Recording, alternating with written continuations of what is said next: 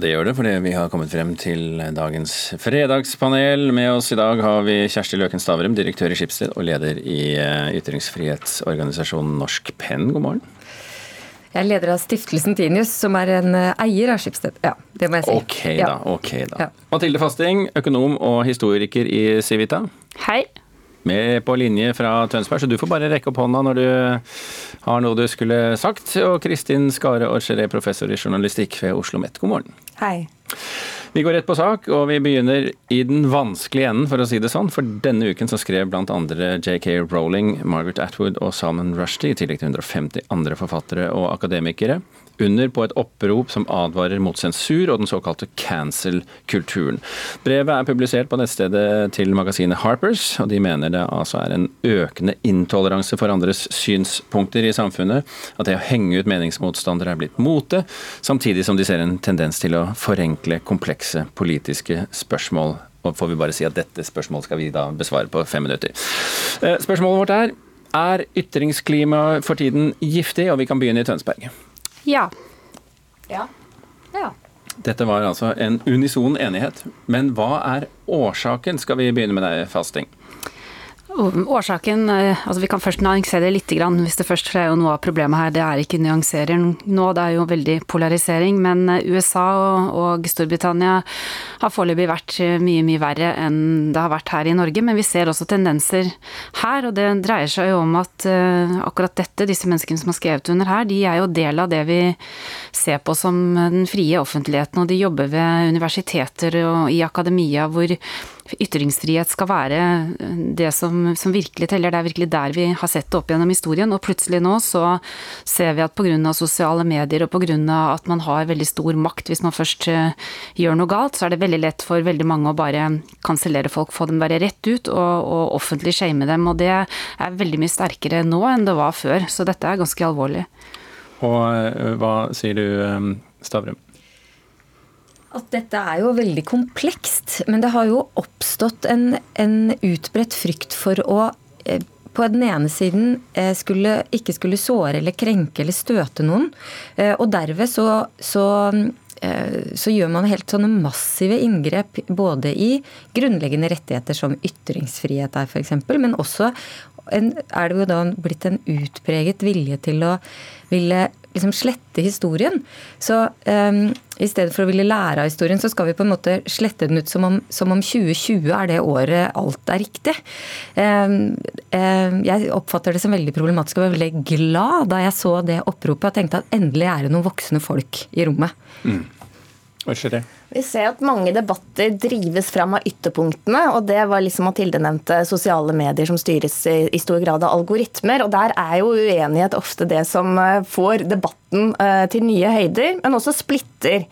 Og, og Så ser vi kanskje i økende grad at i opphetede diskusjoner så er det lett å sette merkelapp på den andre. Uh, kanskje ikke lytte så godt til hva den andre egentlig sier, men at for å få et moralsk overtak, så sier man gjerne sånn Du tar ikke hensyn til ytringsfriheten, og du tar ikke hensyn til individuelle rettigheter. Um, og det når man kjemper sånn for et moralsk overtak, så kan det være et uh, godt retorisk argument men, eller virkemiddel, men det bringer veldig sjelden debatten videre. Så det å lytte mer til hva den andre sier, uh, er sjelden dumt i en sånn situasjon. Men, men, det er jo alltid så lett å bare skylde på sosiale medier, og så gjør vi det, og så ha-ha, da har vi liksom skjønt noe. Ja, og Det syns jeg er et viktig poeng. fordi eh, det sosiale medier tror jeg også har gjort, er at de har brakt opp en diskusjonskultur som vi tidligere ikke har vært så kjent med, fordi den nettopp ikke har vært ført i alles påsyn. Jeg har akkurat vært i, i Bygde-Norge på, på, ferie, og, og, jeg hører jo om hvordan ting blir dysset ned, og hvordan ting blir hauset opp alt ettersom eh, i samfunn som har holdt på med dette lenge, uavhengig av, av sosiale plattformer. Så, så det, er, eh, det, er, vel egentlig det at disse sosiale plattformene både gjør det synlig eh, og aksentuerer en del ting. Selvfølgelig gjør det det. Mm. Er, det, er vi uh, for raske til å skylde på sosiale medier, fasting? Uh, nei, jeg prøvde å rekke opp hånden her. Jeg regnet med at du klarte å se det gjennom luften. Men uh, jeg tenkte jeg skulle en annen ting som også er viktig i denne debatten her. Jeg har en kollega som faktisk uh, jobber med profesjonelt med forskning på rasisme og fundamentalisme og sånne ting. Og han sier at han hadde venner i USA ved forskningsinstitusjoner som, som for fire-fem år siden begynte å rope, eller si til han, rope 'snakke rolig', på fundamentalisme og rasisme og at de var bekymret fordi de fikk ikke, de fikk ikke forske på de tingene som de, de, kanskje kunne tenke seg å ta i, og den typen forskning kan man jo skjønne at kan lett komme opp i ganske brennbare forskningstemaer, og han kunne ikke skjønne det, men nå skjønner han det, og han sitter da i Norge, og han ser at det, er en annen side som ikke er sosiale medier, nemlig at kolleger ved universiteter da ikke får se på problemstillinger fordi de da frosses ut av andre fordi de ikke er comme il faut å gjøre det. Eh, jeg vil bare si at vi har i mitt hode byttet tema allerede, men dere skal få to eh, replikker her i studio også. Det er veldig fint. for det, det, som jeg er bekymret over eh, når det gjelder Norge, er at vi har en sånn ekstremt trang til å se at hvis noe skjer i USA, så skal vi lete etter parallellen her hjemme. Men USA er et veldig annerledes land enn Norge. De har en helt annen historie. Eh, så vi, det er ikke noe grunn til at det skal alltid finnes sidestykker i Norge. Et annet interessant poeng her er jo at det var mye enklere å lage regler eh, for forhandlinger og hvordan diskusjoner skulle være når alle som satt rundt bordet var mer eller mindre like. Og det vi ser nå er jo også at jo mer mangfold, jo flere stemmer, jo flere identiteter, nyanser som kommer frem, jo vanskeligere blir det, men jo mer interessant blir det jo okay. også, heldigvis. Folkens, ta debatten videre rundt frokostbordet. Vi beveger oss til eh, neste spørsmål nå. Den kinesiskeide appen TikTok er eh, barn og unges mest populære app for tiden tiden verden over omtrent. Men India de har forbudt den, muligens pga. konflikten landet har med Kina. Og USA der er de i rekken av land som vurderer å, å forby den. Her i Norge har vi riktignok ikke gjort det ennå. Eh, spørsmålet vårt er i dag, vi begynner på venstre side her, eh, rent geografisk. Slike apper, er de gode verktøy i den eh, storpolitiske verktøykassa? Det kan de være, ja. ja. Fasting? Ja. Dette forbauset meg mer at dere var enig i. Skal vi begynne med deg, Orchere? Ja, jeg synes Det indiske eksempelet er veldig interessant her. Tidligere så har vi jo sett at i storpolitiske, geopolitiske konflikter så kan man eh, boikotte matvarer, olje, øh, vin, ost. Men nå ser vi da en økende tendens til at man også eh, boikotter teknologi og disse appene appene. Så det India da eh, gjorde nå i slutten av juni, var å forby 59 eh, forskjellige kinesiske apper, og TikTok, da, som er den mest kjente. Og TikTok er jo en sånn videodelingstjeneste med eh, kort korte videosnutter. Veldig ofte så er det unge mennesker som bruker det. Og hvor man tøys og tull. Må også Altså det er masse tøys og tull på TikTok. Det ikke... Ok, Hvis du syns det jeg sa var tøys og tull, så kan jeg prøve å argumentere bedre for det. Innholdet på TikTok er tøys og tull. Det er sikkert ikke ofte. alle som er helt enig i det heller. Vi ser jo også at flere av de store mediehusene tar i bruk eh, TikTok og tøys og tull for å fremme sine budskap. Men uansett så er det interessant å se at nå nå apper også har denne funksjonen. Eh, og for Kina så er det naturligvis veldig alvorlig. Eh, India var det landet hvor flest eh, brukte TikTok, lastet ned TikTok eh, tøys og tull. Og også så merker man jo da at i denne stadig kaldere handelskrigen mellom USA og Kina, så får både teknologiske løsninger, men også apper en mye viktigere rolle å spille. Stavrum. Skulle du ikke spørre meg om noe? Nei. Det eh, som er interessant med India, er at de har en ganske nasjonalistisk tilnærming til teknologiområdet også. ikke sant? De krever f.eks. lagring av data nasjonalt. Eh, så, så det, at, det, at, de nå har en uh, het konflikt med Kina som, som, også har gått inn i teknologien, tenker jeg er viktig av andre å følge med på og, og, se hva man kan lære av. Og så er Norge et veldig lite land, sånn at vi er ikke så tøffe. Og vi er heller ikke har jo litt komplisert uh, forhold til Kina med tanke på å liksom være aggressive. men men jeg tror nok likevel at vi skal huske at Huawei fikk ikke utvikle 5G i Norge av eh, litt sånn usikkerhetsgrunner. Og eh, vi kan godt diskutere TikTok langs de linjer, tror jeg. Tror det er eh, lurt selv om TikTok hevder at de ikke gir data tilbake til Kina. De insisterer jo på at ikke de gjør det.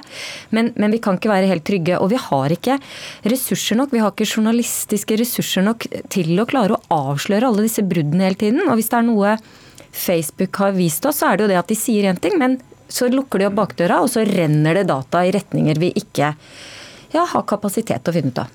Fasting. Ja, jeg er enig med Kjersti Løkken Stavrum i det siste hun sier her, fordi Kina uh, har åpenbart ikke den samme rettsstatsopplegget uh, som vi har i Vesten. Uansett hva man mener om Facebook og Google og sånt nå, så er de likevel selskaper som er registrert i, i rettsstater, uh, mens dette selskapet her er kinesisk. Og jeg så en overskrift på lederen i DN i dag hvor det sto at best å danse uten at Kina følger med, og det tror jeg faktisk er, tar hele det poenget. at personvernsmessig og datamessig på det som legges inn i disse appene. Du vet ikke uansett hva som skjer, selv om selskapet sier at de ikke har noe med myndighetene i Kina å gjøre, så, så vet man ikke det. Og derved også samme grunnen som Huawei f.eks., at man da er på alerten der. Så jeg syns ikke det er rart at disse appene og teknologiske løsninger eh, som er knyttet til Kina, at man skal være skeptisk til det. Selv om jeg svarte ja på spørsmålet om det er gode verktøy i den storpolitiske verktøykassen. Så gode og gode, det er et verktøy, eh, og vi må bare innse at eh, det faktisk kommer til å få stor betydning. For data er nå en ny handelsvare de luxe, og det å ha innsyn i hva mennesker tenker og,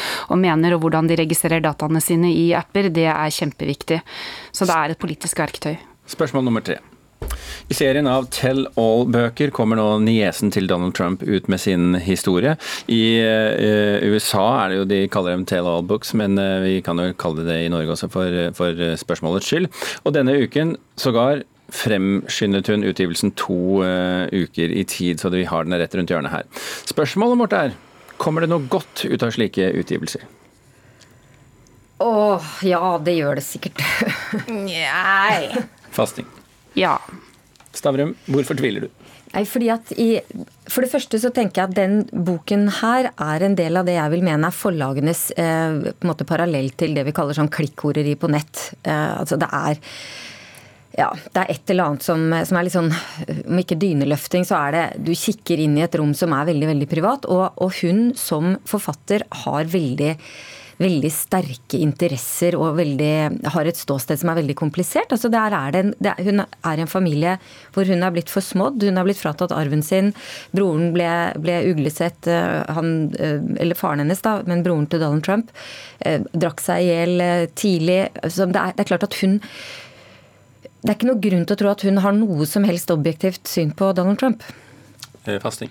Nei, jeg tror ikke vi trenger å si at hun behøver å ha det heller. fordi at uh, dette er én historie av mange. Og uh, dette dreier seg om Donald Trump, som tross alt er USAs president. Og det er helt sikkert at uh, etterpå, når han ikke er det lenger, så vil historiebøkene fylles opp av ulike dimensjoner på hva, hva og hvem denne personen var. Dette er én variant av dette. Men hun har et perspektiv som, som, kan være interessant for offentligheten, selv om du, man kan si at det er mange ting der som kan preges av hennes eh, ståsted, så behøver man jo f.eks. ikke være som min kollega Eirik Løkke, som har veldig god peiling på USA, ofte er i radioen om dette. Han sier at eh, man trenger jo ikke å være bilmekaniker for å skjønne at det er noe galt når bilmotoren brenner. Og her sånn så kan man si at hun er, eh, har en utdanning som gjør henne i stand til å kunne vurdere Donald Trump, selv om det ikke er greit å gjøre avstandsdiagnostisering. Så hun er psykolog. Psykiater, unnskyld. Ja, ja. Så jeg sier at hun, det er én bok i rekken rekken av mange sånne bøker. Det kommer sikkert flere, det kommer nesten en i uken her. Og jeg tror at eh,